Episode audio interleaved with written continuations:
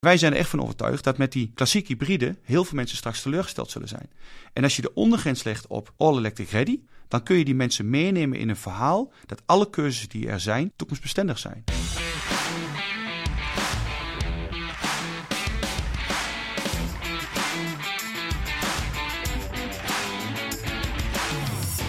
Welkom bij deze podcast van Installatie.nl. We gaan in deze serie Installatie Next met fabrikanten en dienstverleners in gesprek. Wat is hun rol in de energietransitie? Welke rol heeft techniek in het gebouw van vandaag, maar bovenal in het gebouw van morgen? Welke visie hebben ze?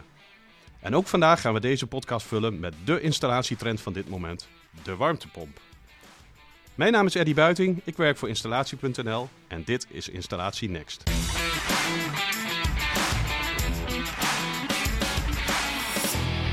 Deze podcast wordt mede mogelijk gemaakt door Alklima, distributeur van Mitsubishi Electric warmtepompen en airconditioners.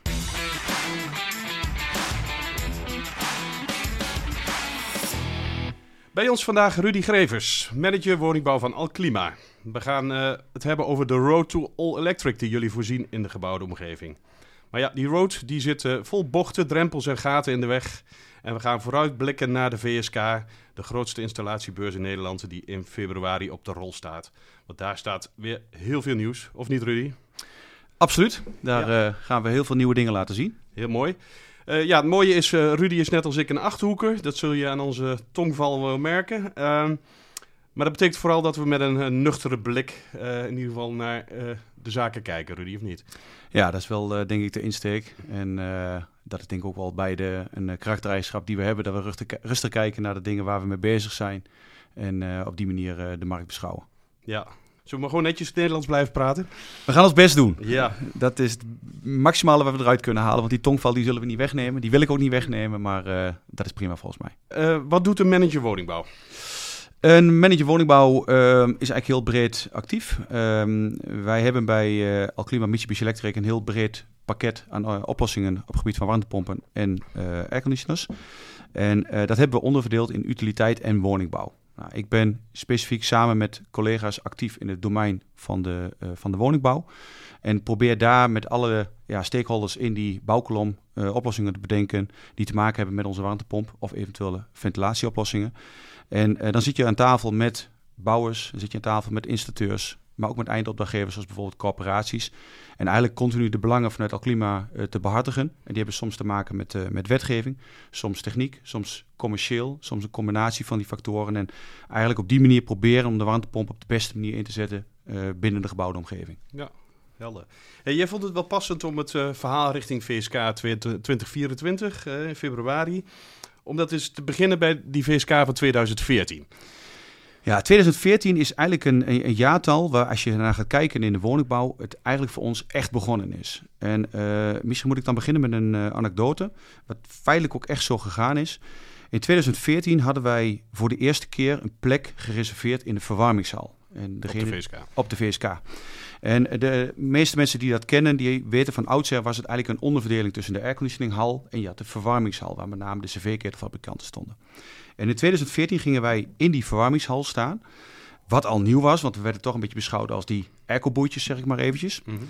En wij gingen daar een plek in nemen en waar de helft van onze stand hadden wij ingeruimd met een huisje. En in dat huisje hadden wij een luchtwaterwarmtepomp geplaatst. En hadden gezegd, wij geloven erin dat dit de toekomst wordt voor de gebouwde omgeving, voor individuele oplossingen voor de toekomstige woningbouw. En uh, ik weet 100% zeker, sterker nog, dat hebben mensen ook tegen me uitgesproken van, die hadden daar sterke twijfels over, hadden daar totaal geen idee bij.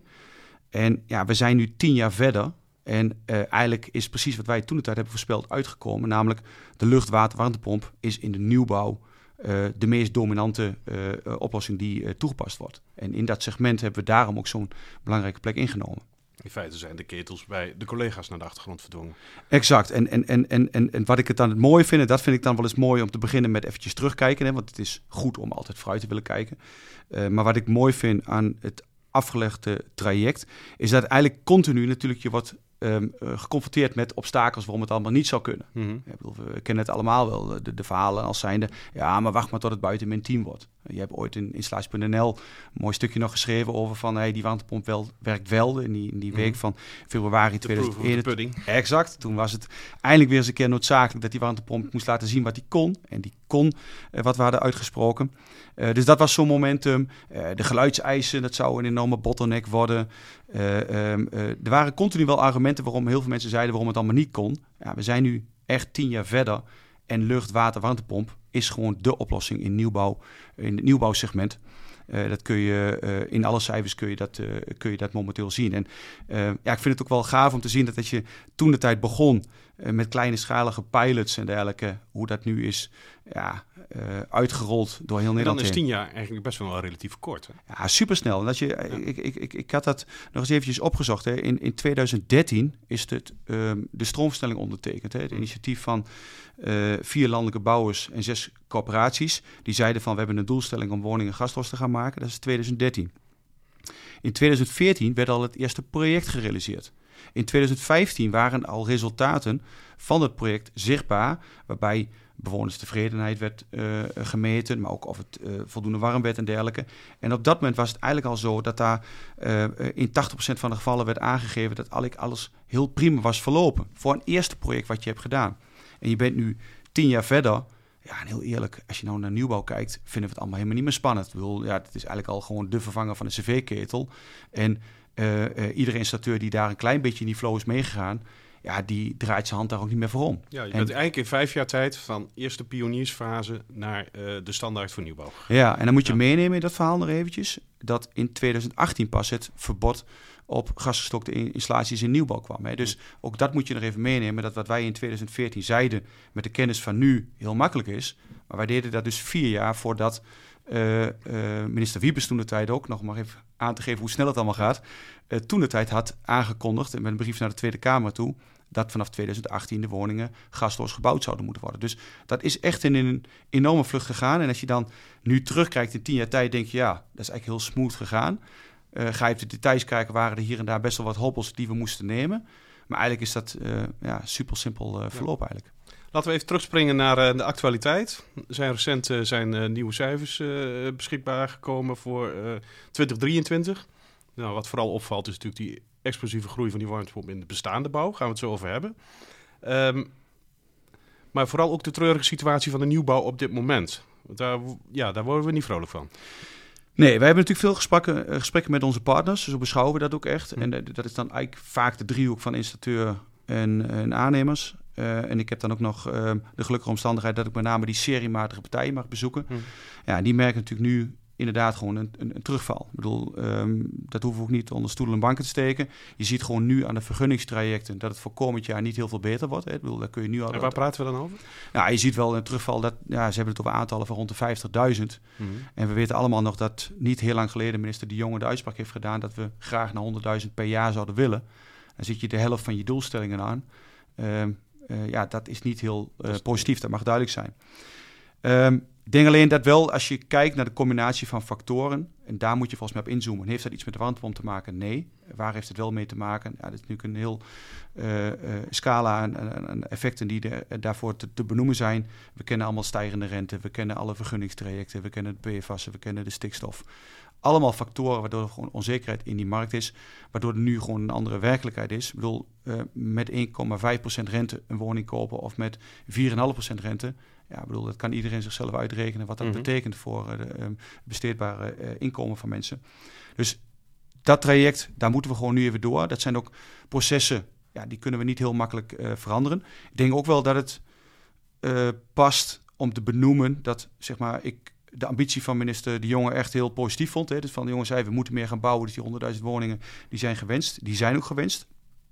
Je moet aan de andere kant ook kijken, wat kan een bouwkolom aan? En laten we eerlijk zijn, we hebben de afgelopen jaren hoogtij gehad eh, in, in de nieuwbouwsector. En dan tikken we rond de 70.000 woningen per jaar aan. Dan is iedere installateur in stervensdruk. Ja. Iedere aannemer is enorm druk. De hele keten qua beschikbaarheid staat onder druk. Al die factoren spelen dan een rol. En dan moet je er nog 30% bij gaan doen om op die 100.000 uit te kunnen zou komen. het eigenlijk niet eens kunnen. Ik, ik denk dat het ambitieus is. Ja. Natuurlijk zijn er oplossingen in de trant van... eh, we gaan op een andere manier bouwen. Hè? Dus eh, Mm. prefabricage, industrieel denken en dergelijke. Daar, daar geloof ik absoluut in. Alleen of dat het effect allemaal kan dempen dat we zomaar eventjes 30.000 woningen erbij gaan bouwen. Ja, laat ik het voorzichtig zeggen, dat is echt heel ambitieus. Ja. Betekent dit ook dat de innovatie van die warmtepomp stokt? Nee, absoluut niet. Kijk, ehm, eh, wij zijn een plek op de wereldbol eh, en die is heel erg klein. En gelukkig gaat er natuurlijk op heel veel plekken gaat de innovatiekracht gaat, uh, gaat door. Um, wat, tijdens de. Wat kunnen we de komende VSK van jullie verwachten?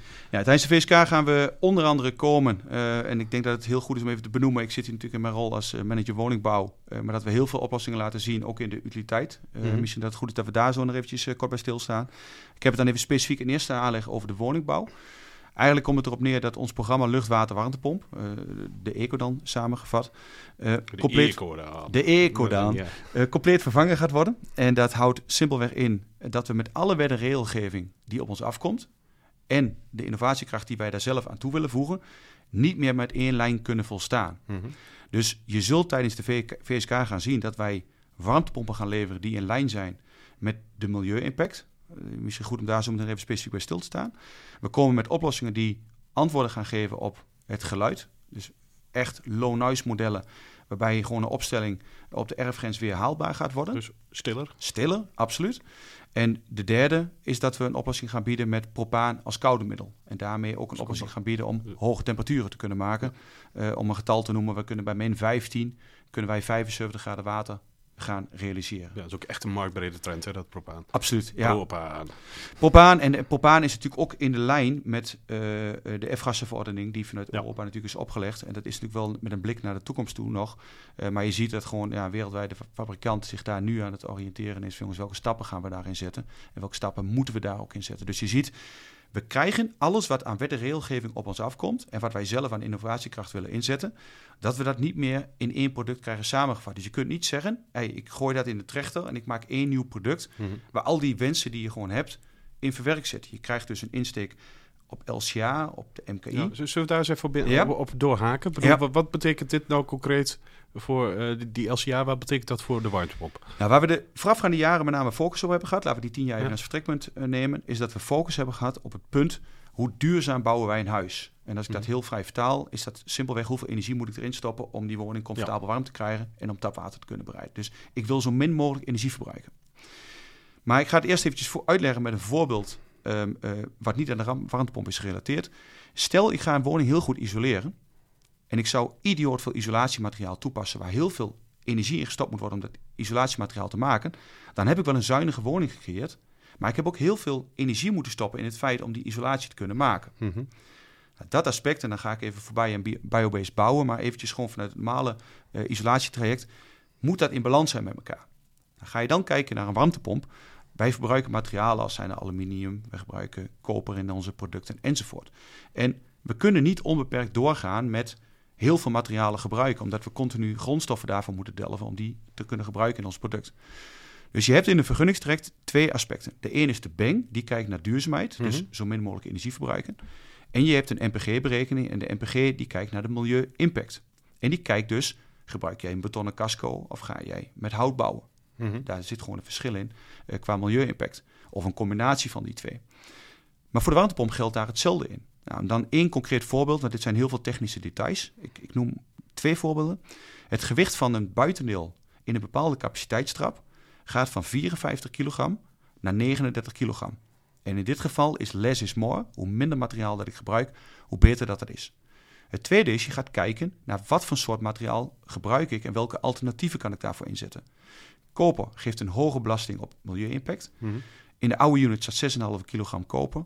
In de nieuwe unit nog maar 0,35 kilogram. Dus echt tastbare voorbeelden dat je een product maakt wat in lijn is met die milieu-impact.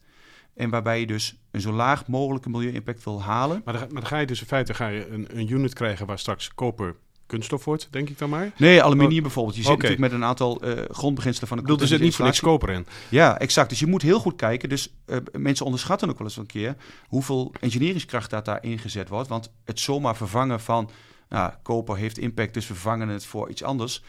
Dat klinkt heel logisch. Alleen daarna wil je ook vanuit de bedrijfszekerheid uh, uh, niks in, inboeten. Dus met andere woorden, je moet heel veel kracht daarop zetten van jongens, welke alternatieven kunnen we daarvoor toepassen?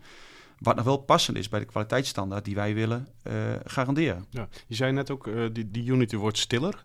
Uh, vanuit mijn ervaring zie ik vaak stiller betekent groter. Ja. Gaat dat bij jullie ook gebeuren? Exact. Dus daarom die trechter wat ik net ja. zei. Je kunt dat niet in de trechter gooien om dat allemaal te verwerken. Dus je hebt één product dat wordt ontwikkeld vanuit die MKI. Dat wordt een kleinere, compactere unit met minder materiaal. En ook hmm. kijken naar het soort materiaal. Daarna willen wij ook een heel stille unit maken die gewoon op de erfgrens kan worden geplaatst. Met er alleen nog maar een schutting tussen met voldoende massa. En hij voldoet aan de geluidseisen. Dat is echt een wens vanuit de markt. Ja. Maar die zal niet zo'n goede milieu-impact hebben. Nee. Dat is het eerlijke verhaal. Dat hoort daarbij. Dus je gaat met bouwers, en dat, dat is die interactie die wij zoeken met ja, de bouwkolom. Dat we zeggen, jongens, waar ligt jouw uitdaging? Ligt die bij de milieu-impact? Ligt die bij het geluidsniveau? En als je kiest voor het geluidsniveau, dan is een effect dat je inderdaad een grotere unit gaat maken, dus meer materiaal gaat gebruiken en op je milieu-impact zou moeten inleveren. En dat is echt een terechte vraag wat je stelt. Dus je Mhm. merkt gewoon dat je, ja, het zijn bijna communicerende vaten. Als je het ene wil, dan heeft het effect op iets anders waar je dan iets moet laten. Alleen het voordeel is dat we meerdere productlijnen gaan voeren, dat we wel mee in gesprek kunnen komen van eh, waar ligt jouw uitdaging als bouwer of als installateur en waar kunnen wij dan het product inzetten wat voor jou het meest passend is. Ja, door een soort menukaart. Exact. Ja. Ja. Waar ik ook wel gecharmeerd van ben, is, is de dingen die nu ontstaan eh, om, eh, om die buitenunits een eh, hele mooie plek te geven in de bebouwde omgeving. Hè? Daar hebben jullie ook hele mooie oplossingen voor. Ja. Eentje ervan heb je zelfs thuis staan, volgens mij. Ja, de, de- Misschien wel leuk om even te vertellen. Eh, Ehm, hoe ziet je oprit eruit? Ehm, nou, ik, ik, ik heb ooit, vijf jaar geleden, dat klinkt al heel lang geleden, dat valt best mee. In 2018 kochten wij een nieuw huis. Eh, die woning, eh, dat stond gelijk al per direct vast, die moet gasloos worden. Ja. Dat was eigenlijk de ambitie die ik mij direct... Winterswijk niet meer, eh, niet meer inkomen. hè? Absoluut. Practice what you preach, geef er maar een naam aan. Maar in ieder geval, dat vond ik wel heel gepast. En ik zag ook gewoon heel makkelijk mogelijkheden om dat voor elkaar te krijgen. Dus dat was gelukt. Ik had het buitendeel staan. En doordat je natuurlijk heel veel in gesprek bent met eh, eh, partijen in die bouwkolom van... Hey, het werkt allemaal goed, daar waren ze ondertussen wel van doordrongen. Maar laat ik het zelf maar even uitspreken. Ik vind het geen mooie unit. Mhm. Hè, want de geluidseisen waren eigenlijk nog helemaal niet van toepassing op dat moment. Ehm, maar ook de uitstraling van de unit was een ding. En ehm, nou, toen ging ik natuurlijk zelf eens nadenken, hoe zou je dat kunnen maken? Ik heb het voordeel van een, van een handige schoonvader, dat helpt dan ook wel. En ehm, ik ben met Henk samen gaan zitten. Ik zei, Henk, ik, heb even zo op de achterkant van die scharendoosje een schets gemaakt van dit heb ik in gedachten. En wat ik dan bedenk, dat kan ik samen met hem uitvoeren. Ja. Zo, zo moet ik het eerlijk gezegd eh, wel zeggen. En toen hebben we dat gemaakt. En toen kwam daar eigenlijk best wel veel aandacht voor, zonder dat ik daar zelf bij stil had gestaan. Maar het was voor mij zelf een beetje van, hey, wat zou je kunnen bedenken om zoiets te kunnen gaan doen? En van daaruit ontstond eigenlijk de situatie dat wij in contact kwamen met bouwers die ik bijvoorbeeld heel aargeloos die foto's liet zien. Ja. Hey, maar kunnen we dat dan ook integreren bijvoorbeeld in een berging? Ja, natuurlijk kan dat. Je, je had in feite heb je dus een, een, een, een, een, ja, een, eh, een klein schuurtje gemaakt. Zeg maar, Ja, een sorry. Ja, daar moet ik even bij even wat je vertellen. gedaan. Ja, sorry, daar moet ik wel even bij vertellen. Ik heb in feite gewoon een schuurtje om het buitendeel gebouwd. Ja. Maar er zitten een aantal natuurkundige wetten in de werking van een warmtepomp... dat die zijn lucht moet kunnen aanzuigen met weinig weerstand. Dus met andere woorden, je moet wel borgen dat er lucht wordt aangezogen, Mm. lucht wordt weggeblazen. En dat die afgeblazen lucht, die is afgekoeld, hè, want Mm. heeft die warmte uit ontrokken, niet opnieuw mag worden aangezogen. Ja. Dus je moet voorkomen dat er kortsluiting van lucht is. Dus ik had in feite gewoon bedacht, er moet lucht worden aangezogen, er moet lucht worden weggeblazen, er moet een ombouw omheen komen wat esthetisch gewoon een ander beeld geeft. En ook wel een klein beetje met de doorkijk van, hey, hoe zou je dat ooit seriematig kunnen inzetten? Maar bij mij thuis heb ik dat gecombineerd met een aantal plekken waar de kliko's, die ik Ja. ook niet echt heel mooi vond, eh, om daarin weg te werken. En dat heb ik dus gedaan. Dus inderdaad, het is een, het is een, het is een ombouw eh, die we hadden bedacht voor het buitendeel, om aan het zicht te onttrekken. Nog niet eens geënt op de geluidseisen. Ja. En dat was eigenlijk iets wat daarna pas ook een rol ging spelen. Want je ziet hem nu bij, bij- diverse schurenbouwers en niet alleen met jullie producten, eh, zie je hem terugkomen eh, verwerkt in, de, in, de- in het schuurtje. Ja, absoluut. En ik was ook wel verrast over het feit dat waarvan ik eigenlijk dacht, ja, dat is helemaal geen wereldschokkend verhaal, eh, dat eigenlijk de hele markt zegt, oh, maar dat is ideaal, god, dat we daar nooit eerder aan hebben gedacht. Dus ik was wel verrast door het effect wat je zeg maar een beetje in een hobbymatige Ja. sfeer gaat doen, eh, dat er eigenlijk heel veel eff- effect van was. Het is ook wel passend voor hoe wij continu in die bouwkolom hebben gestaan, los van mijn persoonlijke verhaal, dat wij, eh, wellicht weet je dat nog, we hebben ooit het Watts-label opgericht. Hè? Ja. Daar gingen wij op beurzen staan Ja. dat wij zijn natuurlijk importeur-distributeur van Mitsubishi Electric en die bepalen voor ons is in feite wat het programma is. Maar wij wilden heel vaak integraal meedenken met die bouwkolom. En wij hebben toen de tijd dat Watts-label opgericht. En Hmm. Watts was eigenlijk voor ons een soort vertaalslag om de bouwkolom te inspireren op vele terreinen. Wij gingen toen de tijd, dat was nog veel verder daarvoor, gingen wij al energieskits laten zien. Dat Mhm. wij zeiden van joh, prefabricage wordt een belangrijk onderdeel in de industrialisatie van die woningbouw. En dan lieten wij skits zien en liepen installateurs er langs. En die zeiden ja, joh, dat kan toch niet. Er is toch geen vakmanschap meer. En. Maar wij, lieten, wij wilden alleen maar inspireren voor het feit van jongens, dit wordt ook een deel van de oplossing. Niet voor een vrijstaande woning of voor een luxe segment, maar voor de seriematige woningbouw wel degelijk. En we gingen laten zien dat je kon werken met dakkappen. We gingen die integratie in de schuur gingen we laten zien. Dus wat wij altijd zoeken is niet, wij hebben een warmtepomp, maar we zoeken juist de integrale oplossing van hoe ga je dat dan ook toepassen binnen eh, eh, eh, de projecten. Dus integratie in de berging, een dakkapopstelling, een, een, een, een, een prefab op- oplossing in de vorm van een skit, een monitoringplatformen. Dat lieten we op beurzen zien als aanvulling op onze producten. En daar geloven wij dus in. Dus met andere woorden, ik geloof er niet in dat ik bij een, bij een installateur aan tafel ga zitten en dat ik zeg, joh, die warmtepomp kost zoveel geld. En dat is mijn verhaal. Mhm. Ik wil weten wat zijn uitdagingen zijn en waar wij bij kunnen helpen om hem die projecten daadwerkelijk te kunnen laten realiseren. Dus vinden ook dat we een bijdrage moeten leveren in bijvoorbeeld het integreren van die buitenunit in de berging. En dan moet je niet kunnen zeggen, ja, joh, dat is jouw vak, dat moet jij maar zien. Nee, wij willen daar proactief een rol in spelen. We zien de markt nu wel echt afstappen van eh, buitendelen die zomaar op het dak gezet worden, bijvoorbeeld. Hè? Dus de servicebaarheid van die buitendelen, dat, die staat volgens mij nu wel echt buiten kijf. Hè? Absoluut. Je ziet gewoon de, de, de grotere landelijke servicebedrijven, die stellen ook gewoon als voorwaarde, is die niet bereikbaar, doe ik geen service. Dus met andere Hmm. woorden, je ziet daar wel echt een heel sterk eh kantelpunt in ontstaan. En laat ook duidelijk zijn, dat is even een toevoeging op het vorige afgaande en wat jij nu zegt. Wat wij continu hebben gedaan is, op het moment dat wij zien dat de markt het oppakt, hè, dus zeg maar de bergingenbouwers of de dakkapfabrikanten en dergelijke, dat die het oppakken, trekken wij ons weer terug. Hè? Dus wij zijn nooit voornemens geweest om met bergingen iets te gaan doen. We zijn nooit voornemens geweest om dakkapoplossingen te laten doen. Want wij weten dat dat de industriële partijen zijn die daar core business aan hebben, dat die dat veel beter kunnen doen. Maar we proberen het wel te agenderen en we proberen aandacht te vragen voor de punten die relevant zijn. Service bereikbaarheid, en daarom kom ik daarop, is daar een hele belangrijke van. Ja. Hey, ik wil even een bruggetje maken naar de bestaande woningbouw, want dat is de groeimarkt. Hè? We hebben heel lang over de nieuwbouw gehad, maar eh, ehm, we hebben nu te maken met miljoenen woningen die, eh, die nog gasgestookt zijn.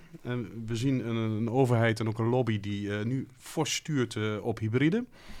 Ehm, dat zien we ook in de aantallen. Hè? Van, van de 120.000 eh, toestellen die eh, in de renovatiemarkt eh, verdwijnen, is ongeveer de helft, iets minder dan de helft, is, is hybride. Ik wil wat even, hoe kijk jij naar die cijfers? Ja, sorry. Ehm, waar, waar, waar- waar je naar refereert is het trendrapport warmtepompen, hè, wat Ja. recent is gelanceerd. Daarin werd gesproken over dit jaar 167.000 warmtepompen, waarvan de 120.000 in bestaande bouw. Mhm. Even om de, context te geven van die getallen. De helft daarvan is hybride en de andere helft is all-electric. Nou, heel simpel. Mitsubishi Electric levert oplossingen altijd met de warmtepomptechniek. We hebben nooit iets met een vlammetje gedaan, heeft Orde Japan dat tegen mij gezegd. En we gaan nooit iets met een vlammetje doen. Dat is onze filosofie. Dus met andere woorden, wij staan heel erg aan die all-electric kant en we hebben daar ook de oplossingen voor. En we snappen dat vanuit een ketelfabrikant daar een ander vertrekpunt is. Mhm. Dus het is voor mij niet eens goed of fout, maar ons, onze positie is heel helder. Wij vinden dat altijd de focus moet zijn op all-electric. En wat is daar het positieve van? Eh, eh, toen minister Jette nog echt actief was en niet demissionair minister, kreeg hij vanuit een expertteam een Outlook 2050 voorgelegd. En dat was eigenlijk de bevestiging van wat jij, wij al jarenlang zeggen. Wij geloven heel erg in die road to all electric. Mhm. En daarin staat duidelijk benoemd, de gebouwde omgeving wordt geëlektrificeerd. Ja, in die road zitten nog wel wat drempeltjes. Een, een, een transitie gaat nooit in één keer van Hmm. A naar B. Dus met andere woorden, hè, wat de afgelopen tien jaar, misschien is het daarom goed dat we daarover begonnen zijn. Ook daarin hebben drempels gezeten, ook daarin zijn obstakels. Maar je moet wel duidelijk benoemen van hey, waar staan wij als bedrijf voor en waar gaan wij de oplossingen voor leveren. Mhm. Dat is met de visie op all electric. En hoe zie je dan, kijk je er dan nu toch aan tegen die tussenstap? Want voor jullie is het een tussenstap. Ja, absoluut. De, de- we- eigenlijk als je nu naar de gebouwde omgeving kijkt en je kijkt naar individuele oplossingen met een luchtwater-warmtepomp bu- buitendeel als vertrekpunt, dan heb je in feite drie varianten. Mhm. Je hebt klassiek hybride, zoals wij dat zeggen. Ja. Je hebt all-electric ready. En je hebt all-electric per direct. En dat zijn eigenlijk de drie smaken die je hebt. Om die even nader te duiden, een klassiek hybride warmtepomp, wat ons betreft, is een warmtepomp met een relatief beperkt vermogen Mhm. die geen tapwater kan maken. Ja. Eén ding wat je zeker weet, met die installatie ga je nooit gasloos worden. Nee. Vandaar past die niet in onze gedachtenlijn. Dus in ieder geval niet in de levensduur van die installatie. Dus de eerstkomende 15 jaar gebeurt daar niks. Exact. Ja. Daarnaast vinden wij het de verkeerde prikkel uitgeven. Je zegt eigenlijk tegen de bewoner, joh, maak je de komende 15 jaar niet druk, want je hebt die grasketel draaien en ga vooral nergens over nadenken. Die, die prikkel gaat er een klein beetje vanuit. Terwijl wij er juist in geloven dat als je het eerlijke verhaal vertelt, dat mensen gewoon wel gemotiveerd moeten worden om door te pakken. Want uiteindelijk hebben we een stip aan de horizon staan waar we naartoe moeten werken. En daarom vinden wij dat de ondergrens wat ons betreft all electric ready zou moeten zijn. Leg eens even goed uit wat het verschil is tussen de klassieke hybride en all-electric ready. Klassiek hybride is dus beperkt vermogen, laten Ja. we zeggen 3, 4 kilowatt, en geen tapwater maken. Ja. Dus te klein om jaar rond eh, capaciteit te kunnen leveren. En daarnaast nooit in staat om tapwater te kunnen maken. En om die reden dus nooit een toekomstvisie naar gasloos. All Electric Ready heeft een ander vertrekpunt. Je gaat kijken naar wat zijn de eigenschappen van die woning en wat zou een eventuele toekomstige vraag kunnen zijn. Dus het is een geleidelijk traject om tot gasloos te kunnen gaan komen. Dat zou er als volgt uit kunnen zien. Je installeert in feite een opstelling die in eerste aanleg wel hybride is. Maar je gaat kijken wat is de toekomstige vraag van die woning. En dat zou bijvoorbeeld 7 kilowatt kunnen zijn. Dat Mhm. verzin ik ter plekke. Die 7 kilowatt warmtepomp installeer je in combinatie met de ketel. Maar bewoners gaan verder. Die gaan misschien op termijn wel een keer de spouw isoleren. Of ze hebben misschien wel PV-panelen en dergelijke gelegd. En één ding wat echt een heel belangrijk vertrekpunt is voor All Electric Ready, wat echt een onderscheid is, dat hij dus tapwater kan maken. En over een aantal jaren gaan we dus meemaken dat de netbeheerders gaan zeggen bij een piekopwek in de zomer, dat zien we nu al in, in onze omgeving ontstaan, dat de netbeheerders zeggen, wij staan niet meer toe dat er teruggeleverd wordt. Sterker nog, als je nu gaat terugleveren, kost het jou geld. Ja. Want we belasten het net op een eh, enorme wijze. Als je dan een hybride installatie hebt, klassiek hybride, kun je niks. Want dan heb je geïnvesteerd in die warmtepomp, maar op dat moment kun je niks met die warmtepomp beginnen om bijvoorbeeld tapwater te gaan maken. En wat wij dus zeggen is, met All Electric Ready heb je wel die mogelijkheid. Dan zou je TZT een boiler erbij kunnen plaatsen. En als je dan overschot van stroom hebt, kun je heel simpel met een Smart Grid Ready contact kun je zeggen, dan ga ik nu mijn boiler laden op de punten dat ik overschot van elektriciteit heb. Het zou echt een hard gelach zijn dat we nu heel veel klassiek hybride systemen installeren met zonnepanelen. Dat mensen denken, wij zijn volledig in lijn met de transitie. Mhm. En dan over twee, drie jaar worden ze hiermee geconfronteerd. Nou, een van de belangrijkste dingen in een transitie is draagvlak. Dat je dus de mensen meekrijgt met de keuzes die ze maken, toekomstbestendig zijn. En wij zijn er echt van overtuigd dat met die klassiek hybride heel veel mensen straks teleurgesteld zullen zijn. En als je de ondergrens legt op all electric ready, dan kun je die mensen meenemen in een verhaal dat alle keuzes die er zijn, toekomstbestendig zijn. Dat is eigenlijk het belangrijke verschil tussen all electric ready en klassiek hybride. En kun je met een kleinere warmtepomp met een lager vermogen ook niet voorzien met een goede buffer in je tapwater? Ehm, ja, dat kan. Alleen eventjes, eh, even onderscheid maken tussen klassiek hybride Ja. dan en een all-electric ready. Heel simpel, een klassiek hybride kan geen tapwater maken. Dus die heeft gewoon niet de functionaliteit voor een tapwaterrun. Dus daar kun je dat niet meer doen. Mhm. En waar wij dus voor zouden willen gaan is, ga dus voor die toekomstbestendige variant. Want eh, daar hebben we het nu nog helemaal niet over gehad. Als je de focus legt op een toekomstbestendige variant, ga je ook toewerken naar gasloos. En dan gaan er heel veel neveneffecten ontstaan, die ook gewoon benoemd moeten worden in het totaalplaatje. Hè? En daar hoort bij dat je duidelijk maakt dat klassiek hybride natuurlijk een voordelige investering is voor de korte termijn. Wij willen in het gesprek aangaan voor een langere termijn en ook duidelijk maken dat dat ook in financieel oogpunt een aantrekkelijke variant is. Wat, zit- wat zit daarbij wat in, in het klassiek hybride verhaal volgens jou niet zit dan? Nou, de toekomstige variant is dus met de focus zoals wij die hebben, is dat je werkt naar all electric. Mhm. En als je toewerkt naar all electric, dan krijg je allemaal neveneffecten die in jouw voordeel gaan spreken. Voorbeelden. Je ziet nu al dat in 2024 een besluit is genomen dat de energiebelasting op gas omhoog gaat. Op elektra gaat die omlaag. Mhm. Dat is precies in lijn met die Outlook 2050, dat dus eh, de gebouwde omgeving geëlektrificeerd gaat worden en dat men dat wil, vanuit de overheid wil gaan stimuleren. Dus dat is een voordeel in eh, eh, de energiebelasting. Daarnaast heb jij je vast recht. Je Ja. vast recht voor een gasaansluiting bestaat uit twee dingen. Dat is gewoon administratief dat ze werk met je hebben. Mhm. En punt twee, ja, je betaalt een bijdrage dat je gebruik maakt van die net eh, eh, eh, kosten die ze maken om die gasinfrastructuur Ja, dat is in, stand te houden. 700 euro per jaar. Nee, dat is iets Oh, minder. eh, ik, ik kom zo wel even bij een totaalsommetje. En dan de, laatste is, dan heb je ook nog het voordeel van het rendement van een warmtepomp, wat gewoon hoger ligt dan die gasketel. En wij hebben daar met hele reële vertrekpunten een rekensommetje van gemaakt. Dan kom je gewoon op een besparing van 1200 euro per jaar als jij nog een gasketel hebt of je gaat naar all electric toe. En dan denk je dat je er bent, maar dan komen er nog meer aspecten. Je hebt natuurlijk nog een ISDE-subsidie, wat minimaal een duizend of drie is. En het zijn wel heel veel getallen achter elkaar. Maar de laatste die ik ook heel vaak uh, uh, onterecht onbenoemd zie, is dat de waardestijging, wat gewoon aantoonbaar is van de rapporten van de NVM en dergelijke, die, zichtbaar maken dat als jij een heel simpel uh, sprongetje maakt met bijvoorbeeld het toepassen van een warmtepomp, en je gaat van een label C naar een label A, dan vertegenwoordigt dat een waardestijging van 5,4 procent. Mm Als je dan rekent dat een gemiddelde woningwaarde momenteel al 422.000 euro is, ja, dat is gewoon dikke 20.000 euro. En dat kun je niet direct omzetten in geld, dat snap ik wel.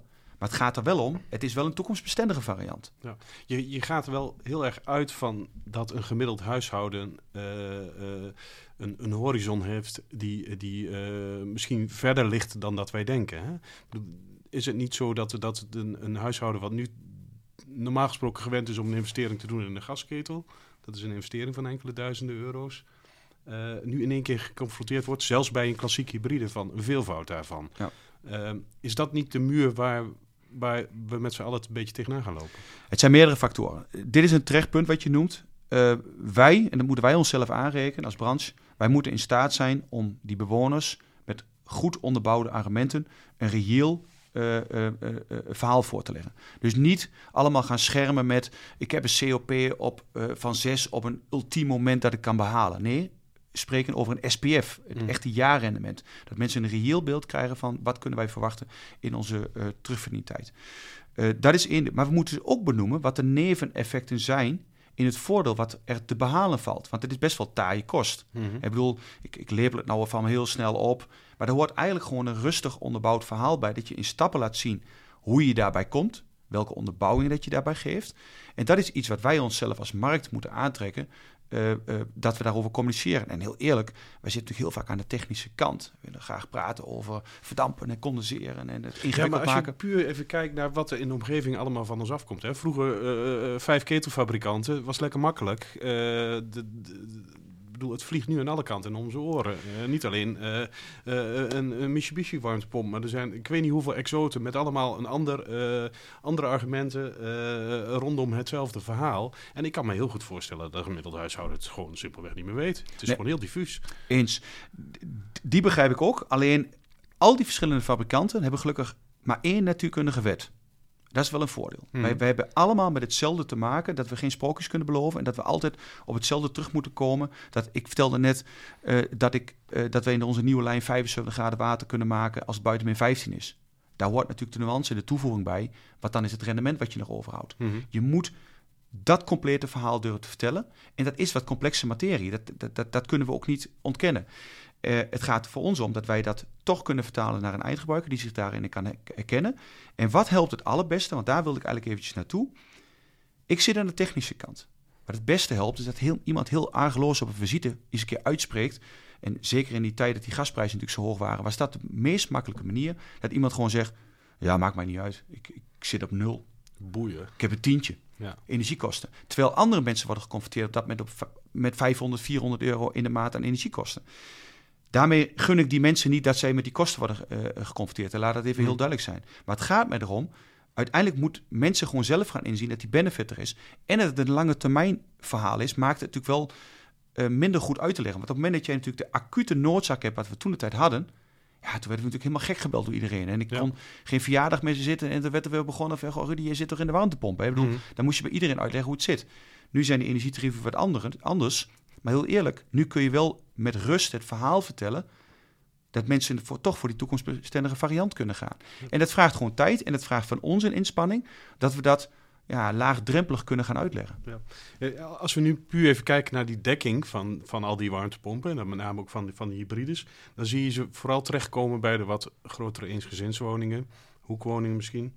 Ehm, terwijl de grote klap echt wel te halen is bij die coöperatiewoningen. En die coöperatiemarkt is mijn indruk, die zit nog een beetje op slot.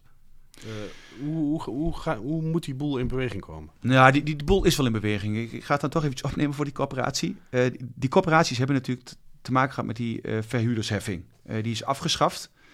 Maar dat is eigenlijk nog best wel recent. Dus met Mhm. andere woorden, er wordt een beetje de indruk gewekt van ja, die verhuurdersheffing is afgeschaft. Dus eh, het, het, het geld eh, klotst daar tegen de plinten aan. Dus geef het maar uit en eh, neem maar allerlei stappen.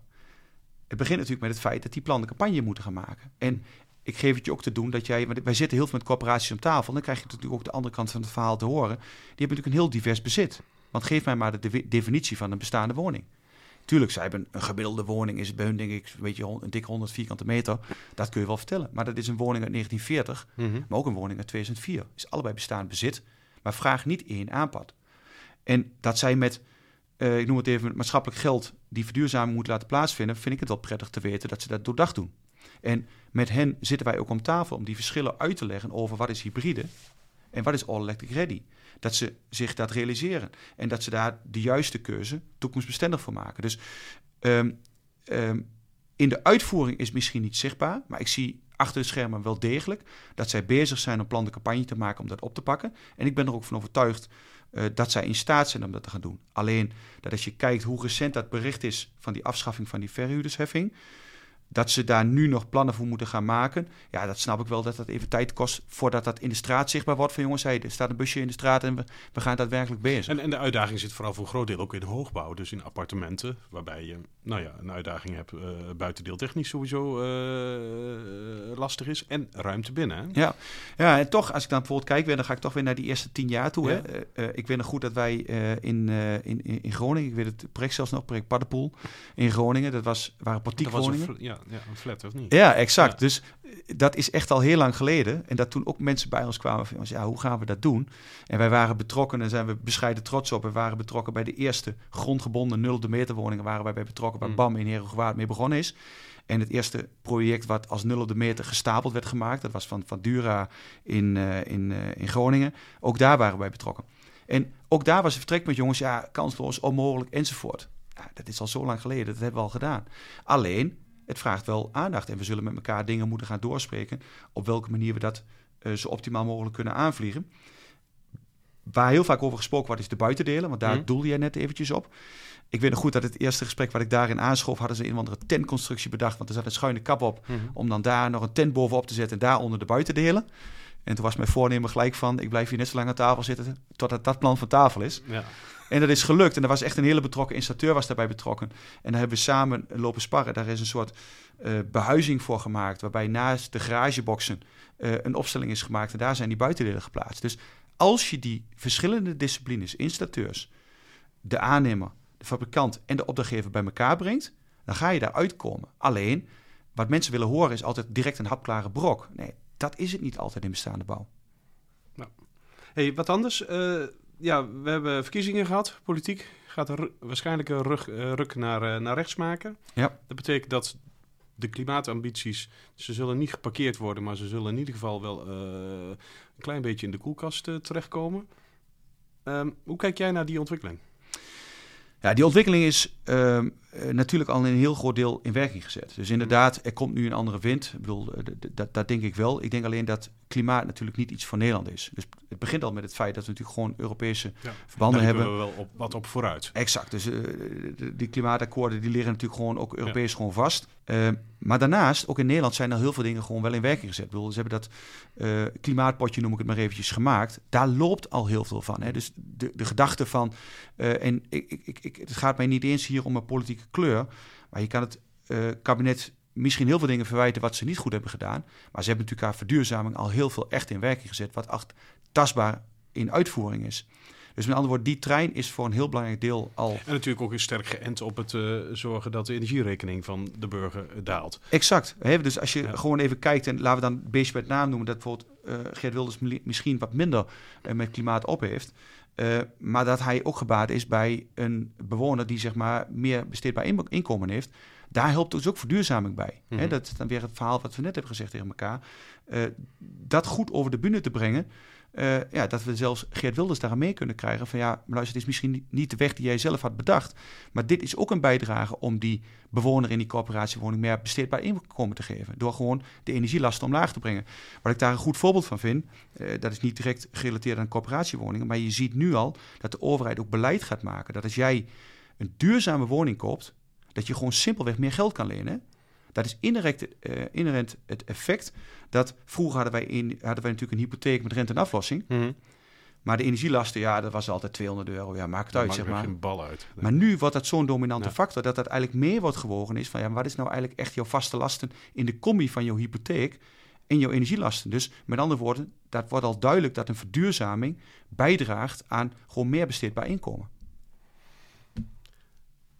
We hadden beloofd om even een sprongetje te maken naar de utiliteit. Ja. En dat vind ik, eh, ja, we zijn allebei voetbalmannen. Ehm, die groene club, daar zitten jullie bij. Verduurzamen van sportaccommodaties. Kun je ze heel kort uitleggen eh, wat het inhoudt en wat jullie hierin doen? Ja, ehm, moet ik eventjes één verhaal bij vertellen. Eh, wij zaten eigenlijk op een momentum dat wij vonden dat we breder zichtbaar moesten worden, ook bij de eindgebruiker, als zijnde het merk, een premium warmtepomp en daarmee meer zichtbaar wilden zijn. Dus wij zochten iets als zijnde een soort reclame-exposure om dat meer handen en voeten te geven. Nou, daarvoor kwamen we aan bij eh, de KNVB. En eh, daarvoor kun je simpel zeggen, nou KNVB, hier hebben wij een zak geld. Wij willen bij jullie op de boarding bij de wedstrijden van het Nederlands elftal, wat nu al eh, gebeurt. En daarmee klaar. We zijn zichtbaar en daarmee komt onze naamsbekendheid. Maar toen kwam toch weer dat DNA van het klimaat, van dat we dan ook altijd willen bijdragen aan het leveren van oplossingen. En toen kwam eh, eigenlijk de Groene Club te sprake. En de Groene Club is een initiatief eh, vanuit eh, de KNVB en daar worden sportaccommodaties binnen verduurzaamd. En wat was eigenlijk het verhaal van de KNVB? Tot op dat moment hadden zij eigenlijk altijd wel oplossingen om bijvoorbeeld ledverlichting eh, toe te passen. Er was altijd wel een installateur binnen een voetbalclub te vinden die kon PV-panelen leggen. Dus dat deel was allemaal ingevuld. Maar dan kwam er eigenlijk de dieperliggende vraag en de allergrootste stap. Hey, wat willen we en wat kunnen we met onze sportaccommodatie qua verduurzaming, qua warmteopwekker en eventuele tapwaterbereider? En dat verhaal kregen wij te horen. En toen zeiden wij, ja, dat is echt een match met hoe wij eh, in, die, eh, in die materie willen staan. Namelijk ook echt niet alleen maar die zak geld daar neerleggen, maar ook echt proberen mee te werken aan een eh, oplossing. Ehm, dat hebben we toen vormgegeven als volgt. We hebben, eh, je hebt dat wellicht wel eens gevolgd. John Williams eh, deed wel vaker voor ons iets zeg maar, in de eindgebruikerscommunicatie. Hè, die, die, die heeft niks met een warmtepomp, maar die kan wel op een simpele manier uitleggen eh, wat zijn de benefits, de voordelen die te behalen vallen in het investeren van een warmtepomp. Weer die lange termijn focus. En die hebben we ingeschakeld als energietrainer. En daarmee proberen om gewoon sportclubs te helpen en te ondersteunen om ehm, eh, ja, een bijdrage te leveren voor die langere termijn om bijvoorbeeld de sportaccommodatie gastloos te maken. Dus dat betekent gewoon dat de, de, de, de oude ketelkaskades eruit gaan en daar komt een, eh, een, een, een warmtepomp in die met name denk ik op tapwater, want daar zit de grootste winst voor, voor voetbalclubs. Ja, Eh, tapwater ruimteverwarming. En wat we eigenlijk gedaan hebben een, een tijd geleden, is dat we in een, in een aantal weken het net iets opgehaald hebben, zeg maar, dat sportclubs zich konden inschrijven om in aanmerking te komen voor een, voor een warmtepomp. Eh, een aantal collega's die zijn ook ingeschakeld als energietrainers, zoals wij dat dan eh, noemen in de context van die sportclubs. En ehm, ja, daar schrokken wij wel van. Ehm, wij zijn dit natuurlijk opgestart. de- hoe- hoeveel clubs gaat dat dan? Ja, je hebt om en bij 1600 voetbalclubs, om een idee te geven. Ja. En 400 clubs hadden zich bij ons gemeld. Dat is natuurlijk een bizar aantal. Als je kijkt op het totaal aantal. En dat waren eigenlijk allemaal best wel noodoproepen van clubs die zeiden van jongens ja. En ja, dat konden wij natuurlijk niet voorzien. Dat die actualiteit zo snel ging met alle ontwikkelingen in Rusland Ja. en Oekraïne. Dat, bedoel, dat was daarvoor al bedacht, hè, voor de Mhm. duidelijkheid. En toen gingen wij die campagne uitrollen. En toen was dit actueler dan ooit Ja. geweest is. En dat konden we natuurlijk van tevoren nooit was eh, ook heel goed met John Williams dan. Hè? Ja, ja. Dat is bijna een dubbeltje op zijn kant. Exact. Ja, nee, Ja. Die, die, die past daar zeker bij. En ehm, ja, heel eerlijk, eh, ook wel geschrokken. Ja. Hè, van eh, zo, dat zijn wel heel veel clubs. En ja, hoe ga je, want ja, je wil daar ook de aandacht aan geven. Het is ook wel inspirerend. Ik bedoel, dit is niet een trek wat ik zelf voer, maar ja, de collega's die ik daarover spreek, Martijn en, en, en Peter, die dat veel bij ons doen. Ja, als die verhalen hoor, je komt natuurlijk echt gewoon in het hart van zo'n club. Hè? Je zit met vrijwilligers om een tafel die, Mhm. die die problemen op tafel leggen. En wij proberen daar in een oplossing te bedenken. We betrekken dan de installateurs uit het netwerk van die club erbij. Bijvoorbeeld, je hebt altijd wel een sponsor van die club. Die betrekken wij dan bij en dan samen denken aan de oplossing. Is heel mooi. Maar ja, 400 clubs zijn er ook heel erg veel. Dus Ja. dat is echt wel even eh, ja, de worsteling waar we eh, ons nou in bevinden. Eh, maar stap voor stap gaan we daar gewoon doorheen. En eh, we zien daar ook al eh, echt gewoon concrete resultaten van. Hey, eh, blauw-witte club, groene club. Of er nou een klompenpad is of een road to all electric. De boodschap is helder voor ons en voor de installatiebranche. We moeten dran, we moeten de mouwen opstropen. Dankjewel Rudy voor je verhaal. Eh, wil je nog meer weten over de oplossingen die Alklima heeft? Kijk dan even op alklima.nl of eh tag Rudy even op LinkedIn. Ehm, wil je nu nog meer podcasts over installatietechniek luisteren? Scroll dan even door de afleveringen in je podcast-app en abonneer je op dit kanaal. Abonneren kun je ook op onze nieuwsbrief. Dat is installatie.nl slash nieuwsbrief. En wij zijn net als Alklima ook te vinden op de VSK. Dus kom daar absoluut ook even naartoe om te kijken wat er allemaal te beleven is in de branche. Dat is van 6 tot 9 februari in Utrecht. Ik dank jullie voor het luisteren. Rudy voor de komst hier naar Doetinchem. En uh, tot de volgende keer. Tot de volgende keer.